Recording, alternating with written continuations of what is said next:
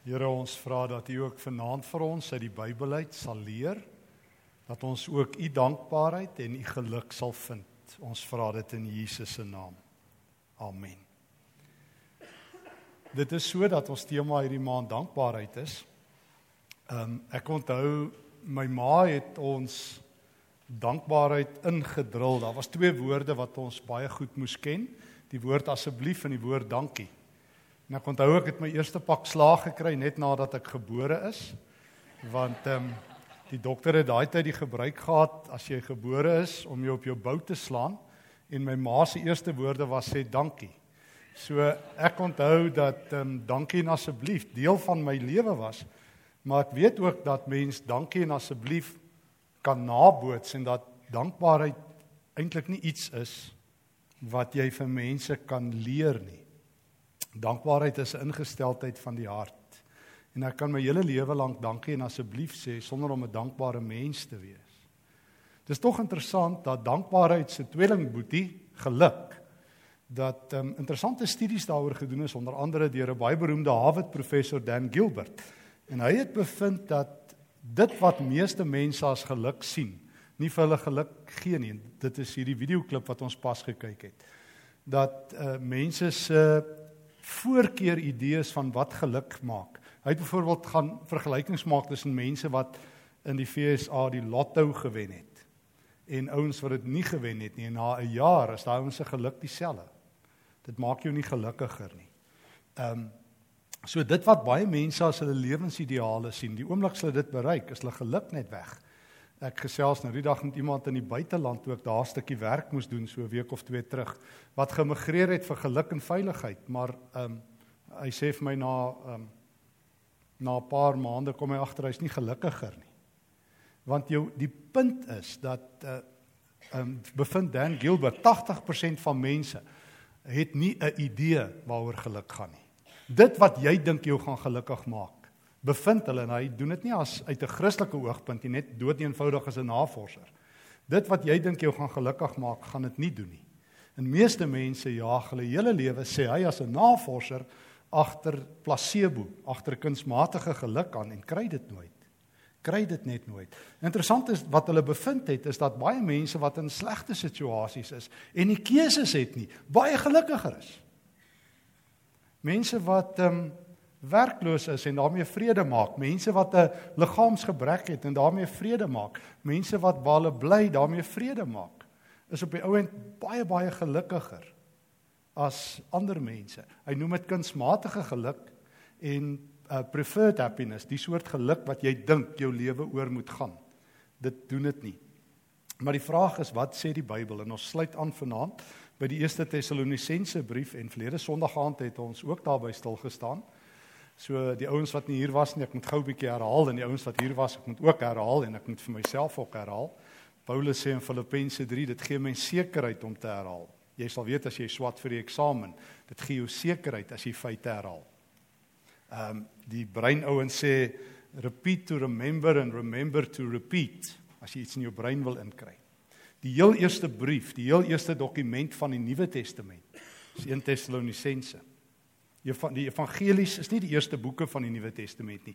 Die Nuwe Testament is saaklik gegroepeer. Die vroegste geskryfde dokument wat ons het van die Nuwe Testament is 1 Tessalonisense. En ek gaan nie nou al die redes gee nie, ek kan ek kan dit vir jou verduidelik, maar hy's in die jaar 50 na Christus geskryf. Ons weet dit ons kan dit dateer vanuit Paulus se besoek aan Korinte waarvoor ons 'n datum het wat kort daarna volg. En wanneer Paulus hierdie brief op skrif stel, is dit die eerste keer in die geskiedenis van die vroeë Christendom dat daar dokumente rondgaan. En as Paulus hierdie brief skryf, sit hy in Athene nadat hy um, 3 weke in Tessalonika was, het ons laas Sondag aand gesien uit Handelinge 17.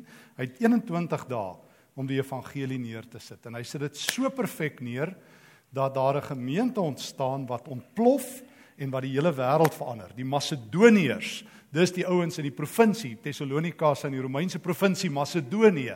En jy moet maar gaan lees 2 Korintiërs 8, 1 Korintiërs 16, uh, Romeine 15. Paulus kan nooit ophou praat oor die Macedoniërs nie. Daai ouens kry dit reg. En toe het ons vir mekaar laas Sondag aand gevra, "Wat preek jy as jy weet jy het net 3 weke?" Daai vraag spook by my vandat ek eendag gehoor het van 'n persoon wat in Auschwitz oorleef het. Uh 'n vrou het sy het hierdie storie vertel dat sy en haar boetie was op pad na die konsentrasiekamp toe. En sy het in die trein waarmee hulle Auschwitz toe vervoer is, het sy na haar boetie se skoene gekyk, sien sy het sy skoene verloor. En net voor hulle by Auschwitz uitgeklim het, het sy vreeslik met hom geraas en gesê moes jou skoene by jou gehad het. En sy onthou dit was haar laaste woorde wat sy ooit met haar boetie gedeel het. Toe sy daarna apart en hy's dood.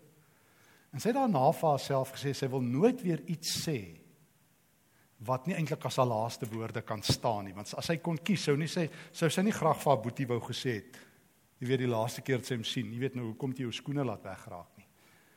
So as jy 'n keuse het om so te praat dat dat die woorde wat jy nou sê kan staan as jou beste laaste woorde. Dan het jy die kuns van regpraat aangeleer.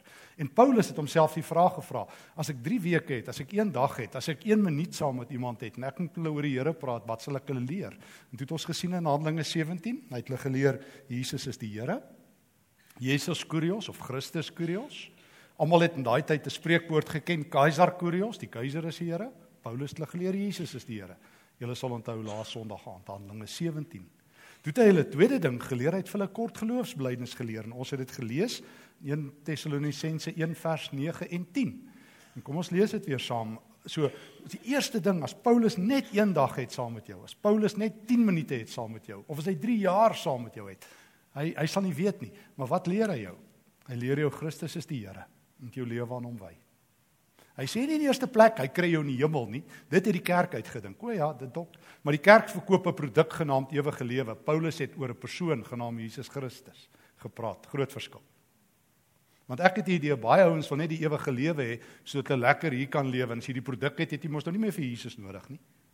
Dink 'n bietjie daaroor. Baie ouens, so kom jy al hierdie boeke oor die hemel. Jy lees nooit van Jesus. As jy nou ooit 'n boek oor die hemel lees, dan gaan jy nou sien, hulle praat amper nie oor Jesus nie, want hy het mos nou klaar die produk, die hemel vir jou gegee. Nou het jy hom mos nie meer nodig nie. Maar Paulus het mense van Christus geleer. Christus is die lewe, sê Jesus self, Johannes 1. Hy is die ewige lewe. Jy ken Johannes 5. So die Nuwe Testament is baie helder daaroor. Die kerk verstaan dit verkeerd. Dit gaan oor Christus. Paulus skryf vir die Filippense, Vir my is om te lewe Christus. Sy hoop is nie dat hy die ewige lewe het nie, sy hoop is dat hy Christus ken. Groot verskil. Christus gee lewe wat al, vir altyd aan 'n kan die graf aanhou, maar Christus is die lewe. Jy gaan nie hemel toe om ewige lewe te kry met jou familie te kuier nie. Jy glo in Christus hier en nou en jy glo vir altyd in hom wat lewe gee. Dit het Paulus geleer. Hy het 'n tweede ding geleer, vers 9 en 10. Die mense vertel self hoe hulle ons ontvang het toen hulle julle van die afgode tot die lewende God bekeer het en hom nou dien en dat julle sy seun wat uit die dood uit opgewek het uit die hemel verwag. So 'n duidelike beeld. Jesus red jou. Jesus gee lewe. Helder. En toe het hy vir hulle drie waardes, drie norme, drie basiese beginsels van die vroeë kerk geleer. Geloof, hoop en liefde. Daar het ons dit gesien in vers 3 van hoofstuk 1. Ehm um, ek het gehoor van die inspanning van julle liefde, die volharding van julle hoop en ehm um, van julle geloof. So Paulus het mense gesê Christus is die Here. Christus red jou van die oordeel wat kom en Christus gee geloof, hoop en liefde. Maar hy het vir hulle nog iets geleer en dis waarby ons vanaand stil staan. Hy het vir hulle geleer van dankbaarheid en hy het vir hulle geleer en, en dit is juist die tema hierdie maand dat daar iets in 'n Christelike lewe gebeur wat jou dankbaar maak. Ehm um, hy skryf in vers 6 van 1 Tessalonisense 1. En julle het ons voorbeeld gevolg in daai 3 weke wat hy daar was en volgelinge van die Here geword. Hoor mooi, hy sê nie glo in hom om ewige lewe te kry nie, hy sê volg Jesus. En dit is wat Jesus ons geleer het. Julle onthou toe Jesus op aarde was, wat was sy uitnodiging aan almal? Volg my. Volg my. Paulus leer dit vir mense, volg Jesus. Hy sê maar nog iets. Hy sê in baie moeilike omstandighede. Letterlik in die Grieks in lydingsomstandighede. Die woord wat hy daar gebruik is fisiese lyding ook. In baie moeilike omstandighede het jy die woord van God aangeneem met 'n blydskap wat van die Heilige Gees kom. Met 'n diep dankbaarheid kan jy dit ook vertaal wat van die Heilige Gees kom. Nou ons tema is dankbaarheid en geluk. En ons sê vir mekaar heel in die begin, jy kan nie geluk vir jouself najag en al die goeders wat ouens doen nie. Wel jy kan, maar dit gaan jou nooit gelukkig maak nie. Want later gaan die pille nie genoeg help nie en later gaan al die karre nie genoeg help nie en later gaan al die partytjies nie genoeg help nie, want jy kan ook net so lank party en dan as jy ook nou weer op en jy kan ook net so lank rondspring as jy ook nou weer moeg. So eers gaan dit nie genoeg geluk gee nie. Maar Paulus sê ouens, ek wil julle iets leer. Die Heilige Gees is die oorsprong van dankbaarheid. Dankbaarheid is 'n persoon. En nou moet jy vir 'n oomblik saam met my gaan vinnig 'n paar voorbeelde noem, jy sal hulle almal ken. Die Nuwe Testament weet een ding van Jesus. Jesus en dankbaarheid en Jesus en vreugde is sinoniem. Hebreërs 1 vers 9 sê die Hebreërs skrywer, hy is gesalf met vreugde. So toe Jesus in die wêreld kom, het hy met vreugde in die wêreld gekom. Die engele het gesing eer aan God. Jy onthou Lukas 2, daar was vreugde. En Jesus het vertel, hy vertel in Matteus 13 daar aan die einde daar vanaf vers 46, drie kort gelykenisse waar hy sê um, om in hom te glo soos om 'n skat te ontdek. En as jy daai skat ontdek, gaan jy alles los, so bly gaan jy wees. So Jesus bring vreugde en hy het geweet as jy in hom glo, as jy in hom vasloop, gaan jou hele lewe se tekstuur verander.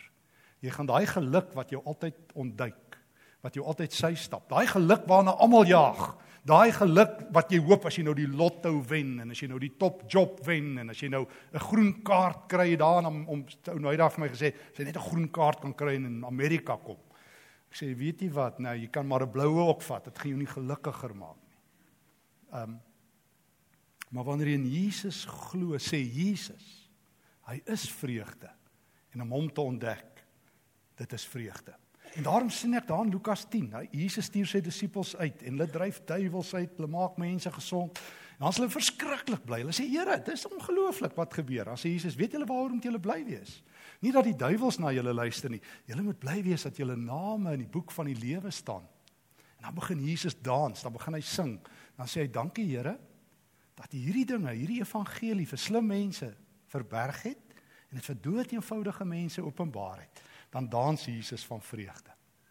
So Jesus sê die wonderlikste ding wat met jou kan gebeur is om hom raak te loop. Want jy loop in vreugde vas, die God van vreugde. So vreugde sê die Nuwe Testament is nie 'n posisie of 'n disposisie of 'n reaksie in die eerste plek nie. Vreugde het 'n naam. Jesus Christus. En daarom is Jesus se hele lewe tot by die kruis. Ja, hy's bang, ons lees daarvan as hy in Getsemane is in Markus 14. En ons lees aan die kruis, maar as hy daar aan die kruis hang, dan sê hy nie, Here, ek is nou so kwaad, gooi dan ons met weerligstrale en dat die engele kom en hulle moet swaarde afslag en hulle in die hel gooi nie.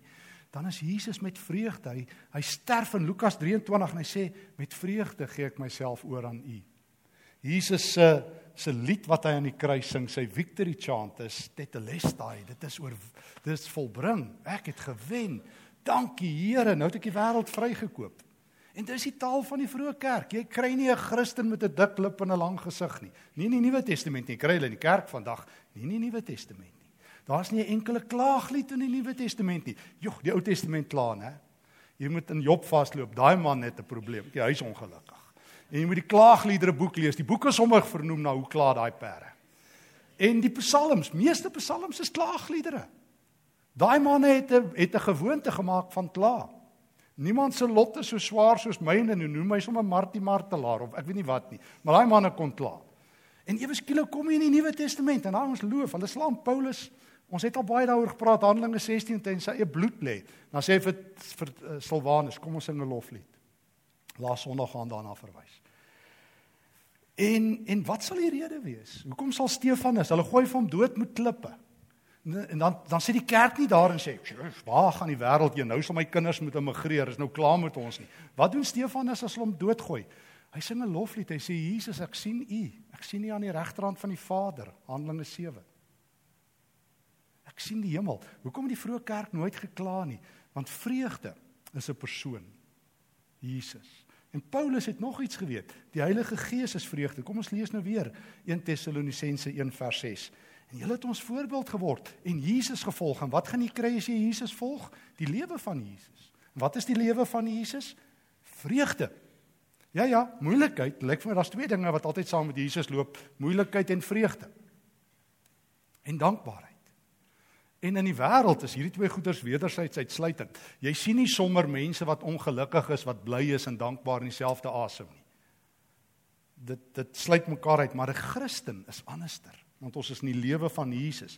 Jesus is die Here. Ek doen geloof, hoop en liefde. Ek het 'n vaste wete ek het lewe hierna en ek volg Jesus en nou sê Paulus en jy het die woord aangeneem met 'n dankbaarheid letterlik in Grieks wat van die Heilige Gees afkom. So nou gee Jesus sy Gees aan jou en wat doen die Gees? Hy maak jou 'n dankbare mens. Ons kan mekaar nie forceer om dankbaar te wees nie. My ma kan maar my boude rap soos hy wil en my slaan soos ek wil en die kerk kan maar vir my sê ek moet dankbaar wees. Nou kan myself blou preek vanaand en volgende week en wanneer. Maar wanneer jy naby aan Jesus loop, deel hy sy hart met jou. Hy beloof dit. En wanneer jy saam met Jesus loop, kom vreugde. En nou ons nog net een teks, 1 Tessalonisense 5. Dis 'n geweldige woord vers 16. Paulus gee so 'n klomp bevele uit. So mense moet eintlik as ons nou baie tyd gehad het, sou ek daar deur gelees het vanaf eintlik daai hele gedeelte, maar vanaf vers 16 het hy kort bevele. Sy eerste bevel is: wees altyd bly. Ouens, dis 'n bevel. Hy sê die Heilige Gees gee dit vir jou. Jy moet daai vreugde aanjaag. Want jy kan nie fout maak en ek dit lyk vir my daar so een of twee Christene wat dit doen. Wat jou blind kyk teen die wêreld en jou ore uitleen vir al die klaars en die heeltyd moeilikheid sien en dan gaan jy nie bly wees nie. Wees altyd bly. Snaaks dat Christene nooit daaroor bekommerd is nie. Kyk, ek het nou al ek het nou al die kerk dopgehou. Laat daar nou net bietjie 'n probleem is. Laat dit nou sleg gaan in die land, dan bid ons. Maar ek nog nooit gehoor dat die ouens sê ons moet bid dat Christene meer bly kan wees nie. En dis God se opdrag. Wees altyd bly, bid gedurig. Wees in alle omstandighede dankbaar. Dan staan daar letterlik in die Grieks. Die vertaling het dit bietjie swak vertaal. Ekskuus, ek hou van die vertaling. Maar daar staan letterlik in die Grieks, want dit is die wil van God in Christus oor julle. Dis God se wil. En ek het die idee God se wil maak saak. Is ek enigste ou wat dit dink? As as ek weet wat God se wil is, want dit wil baie mense weet. Nou Paulus sê, weet jy wat God se wil vir jou lewe? Wees dankbaar. En niemand het nog ooit vir my gesê as ek bietjie rondhang en ek lyk bietjie ongelukkig. Stefan, weet jy jy's buite God se wil nie. Nou ek wil vir jou vanaand sê as jou lewe nie aan Christus gekoppel is en as jou geloof in Christus nie vir jou 'n diep innerlike vrede gee, die vrede wat alle verstand te bowe gaan van Filippense 4 en jou hart rustig maak en jy letterlik the joy of the Lord ervaar nie. Dan wil ek vir jou sê jy's buite God se wil. Jy kan kerk toe kom, jy kan die kerkbanke warm sit, jy kan Voyager Mail in kerk besoek en Bybel lees en saam bid met aanhou en sê maar as jy nie naby genoeg aan Jesus leef dat sy hart in jou binneste klop nie, sal jy nooit die vreugde van die Here ken. En ek kan dit nie vanaand verduidelik nie, want eh, dit is inligting, maar ek kan oordra wat God sê en God sê, dis my wil dat jy diep dankbaar moet wees in alles. Hoor mooi, in alles. Die Griekse woord alles is die Afrikaanse woord ook alles. Dit beteken alles. So as dit sleg gaan, dan is jy dankbaar. En as dit goed gaan, is jy dankbaar. En as dit soos dit nou met jou gaan gaan, dan is jy dankbaar in alles. Nie vir alles nie, hoor mooi. Wat sê Paulus? In alles. So hoe kry Paulus dit reg nou om die tronke loflied te sing? Hy sê Hy sê vir Silas, nee, weet jy die Here is hier by ons. Die ouens slaan my nou uitmekaar uit en môre is ons dalk dood. Sjoe, maar ek is hier en ek het 'n huis in die hemel. Ek gaan na Jesus toe. So of ek hier is, Romeine 14, of ek hier lewe en of ek doodgaan, ek is Christus in. Ek is Christus in. Die vroeë kerk het hierdie ding gesnap. Hulle het gesnap blydskap het 'n naam, Jesus Christus en die Heilige Gees en blydskap en dankbaarheid word aan my gegee. En as ek nie hierdie dankbaarheid elke dag in my lewe koester en vashou nie, dan word ek uitverkoop aan die wêreld. Dan dink ek, ek weet nie as ek die nuutste iPhone het, as ek die nuutste dit het, as ek die nuutste dat het, gaan ek gelukkig wees. Maak jy jou brief gee. Jy gaan net so lank gelukkig wees, dan is dit ook weer verby. So geliefdes, hoor die woord van die Here. Die Here sê vanaand vir ons elkeen: Wees dankbaar. En jy vra hoe? Die Here sê ek gee die Heilige Gees aan jou. En die Heilige Gees kan dit nie vat dat hy in ongelukkige mense bly nie. Die Heilige Gees kan dit nie vat dat jou lewe net vol koolsuurgas is nie. Hy wil jou lewe met suurstof vul. Wees altyd bly, bid geduldig en wees in alle omstandighede dankbaar, want dit is die wil van God. So hoe eenvoudig is die evangelie? Jesus is die Here. Geloof, hoop en liefde. Ehm um, Christus red my van die oordeel wat kom. Ek het 'n uh, huis by hom in die hemel wat gewaarborg is. En nou, hoe gaan ek my lewe deurbring? In diep dankbaarheid in alle omstandighede. Ook as die springbokke verloor. Maak nie saak wat nie. Want my geluk is nie soos die wêreld afhanklik van omstandighede nie. Geluk is die gees binne in my wat uitbreek elke keer en wat iets anders bring na hierdie donker wêreld. Christus, ek sluit af. Toe hy aarde toe gekom het, het ek sê hierdie is 'n donker plek. Jesus kom na donker plekke toe. En hy het gesê hy is die lig vir die wêreld. Die lig wat elke mens verlig. Johannes 1 het na die wêreld toe gekom. En nou het Jesus hierdie lig in ons gesit, jy en ek. En jy en ek het sy vreugde. So weet jy wat doen jy as jy die hele tyd met 'n ou lang gesig loop en kla, jy's buite God se wil en jy maak dit eintlik vir die Here baie moeilik, want niemand vat jou ernstig op, net soos wat ek ook voel as jy mense vasloop wat die hele tyd kla. Ek onthou my kinderdae, ek met al hierdie moeilike ooms en tannies in die kerk vasgeloop het, ek gedink, liewe aarde, ek wonder of hulle weet dat die Here ook uh, van blydskap hou. Maar maar jy jy staan eintlik in die Here se pad. So die Here kom vanaand na jou toe en sê ek het my gees vir jou gegee. Jy kan regtig bly wees. Maak jou lewe oop, hoor die opdrag, wees altyd bly en wees diep dankbaar. Nee nee, die dokter hoef jou nie te slaan nie en jou ma hoef jou nie te forceer nie, maar die Here sê dit vir jou. En hy help jou, hy gee sy gees. En jy moet jou lewe oopstel. Wees in alle dinge dankbaar Want dit is die wil van God. Hoor die Here se woord. Amen. Here, dankie vir die woord. Dankie dat dit duidelik is. Dis ek wat onduidelik is, Here. Dis ek wat met die dik lip loop. Ek is jammer daaroor. Dis ek wat u se grimmig is, wat altyd my geluk meet aan wat ek het en wat ek nog moet hê. Dis ek wat altyd my geluk meet aan uiterlike dinge. En Here, u weet hoe kort is dit. Dit hou net so rukkie. Maar leer my om die vreugde, die blydskap, die dankbaarheid van die Heilige Gees te hê. Stel my lewe vanaand opnuut oop. Vul my met u dankbaarheid. 'n Dankbaarheid wat van die Heilige Gees kom. En maak my bly in alle dinge in 'n diep vrede, 'n diep rustigheid in my hart, sodat die storms wat in die week dalk woed rondom my, die probleme in die land en in my lewe, dat dit my nie van u koers af sal gooi nie. Hier is ek, Here, om deur u gevul te word. In Jesus naam. Amen.